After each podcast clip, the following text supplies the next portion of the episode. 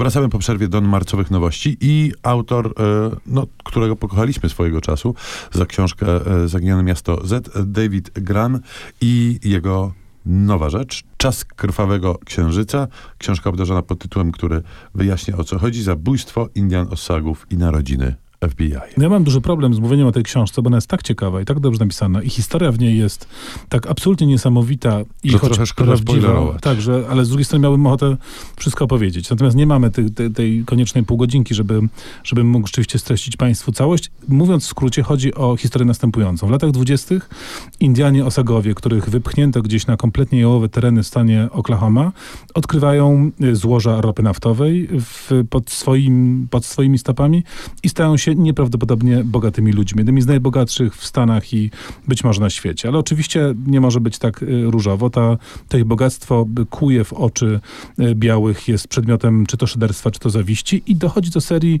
dziwnych, niewyjaśnionych zabójstw członków indyjskich rodzin, które dysponują tymi dużymi majątkami, a ci, którzy próbują coś z tym zrobić, czy dowiedzieć się, dlaczego właściwie tak się dzieje, też giną w co najmniej tajemniczych okolicznościach.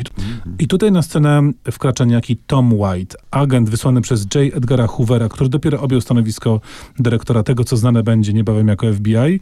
I teraz ta historia jest straszna, ale niesamowicie ciekawie y, napisana. Ma w sobie y, atrakcyjność, to może jest brzydkie słowo przy tak ponurej jednak historii, ale, no, ale tak, atrakcyjność y, kryminału i westernu w jednym. Świetny kawał tekstu, doskonały reportaż i po prostu fascynująca powieść przygodowa, tyle że prawdziwa. Bardzo podobnie jest z kolejną książką na naszej liście. To również fascynująca powieść przygotowa, tyle że prawdziwa. Autorem jest Robert Trivers. Książka nazywa się Dzikie życie. Przygody biologa ewolucyjnego. Robert Trivers to naukowiec, który zajmuje się e, biologią ewolucyjną, e, którego życiu działo się bardzo dużo dzikich i zaskakujących rzeczy, włącznie z tym, że o mało biologiem ewolucyjnym by nie został.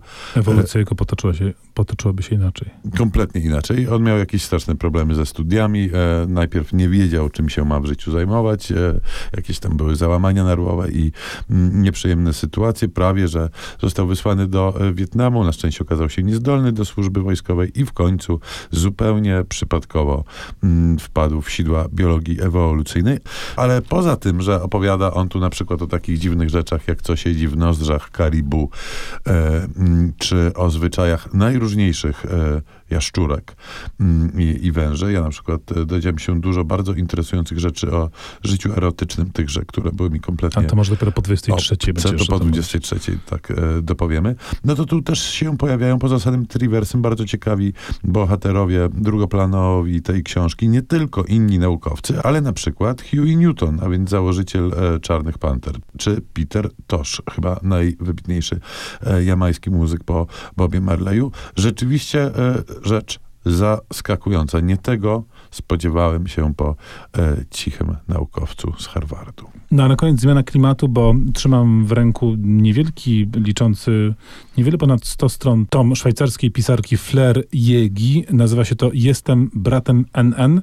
To już kolejna chyba piąta książka Jegi, która po polsku się ukazuje. To Tak, są ona konsekwentnie jakoś jest wydawana i mam wrażenie, że konsekwentnie czytana. Ma grupę, grupę swoich oddanych wielbicieli. Jest to bardzo ciekawe, bo to jest literatura, jest bardzo jakaś. W tym sensie, że są to krótkie historie, krótkie opowiadania, które, które chyba najprościej opisać, odwołując się do jednego z nich, być może w ogóle najkrótszego pod tytułem Kot. To opowiadanie Kot opisuje taki moment w działalności kota, który przed upolowaniem, przed rzuceniem się na swoją ofiarę zastyga w bezruchu i dopiero potem wykonuje ten Taki właściwy ruch. skupionym bezruchu, tak. I tutaj charakterystyczna poza. jest bardzo charakterystyczna poza i coś w tym jest ewidentnie takiego kocio-myśliwskiego w Flair i jej y, twórczości, bo to są wszystko takie drobne historie o ludziach generalnie samotnych i generalnie jakoś tam pogubionych. Ludziach, którzy jakoś tam się zatrzymujemy nad nimi patrzymy na różne dziwne myśli, które się u nich kłębią. Wiem, że mówię dość enigmatycznie i dość mało jasno, ale nie da się streścić tych historii e, w precyzyjny sposób, bo to są nawet bardziej niż historie pewne stany umysłowe, taka psychologia, ale, ale właśnie bardzo zwięzła i precyzyjna. Na pewno siłą Jegi jest to, że ona strasznie mało słów potrzebuje, żeby zrobić y, naprawdę dużą rzecz w literaturze. Ciekawe, mm, takie do sączenia sobie przez cienką rurkę umysłu. Tymczasem na sam koniec e, e, piątki chcieliśmy oddać pełen majestat nie tyle co szwajcarskiego krajobrazu, co ewolucji właśnie. A jeśli ewolucja, to oczywiście włączyły nam się filmowe skojarzenia z serialem Był sobie człowiek. Tam rozbrzmiewała Tokata i Fuga Jana Sebastiana Bacha.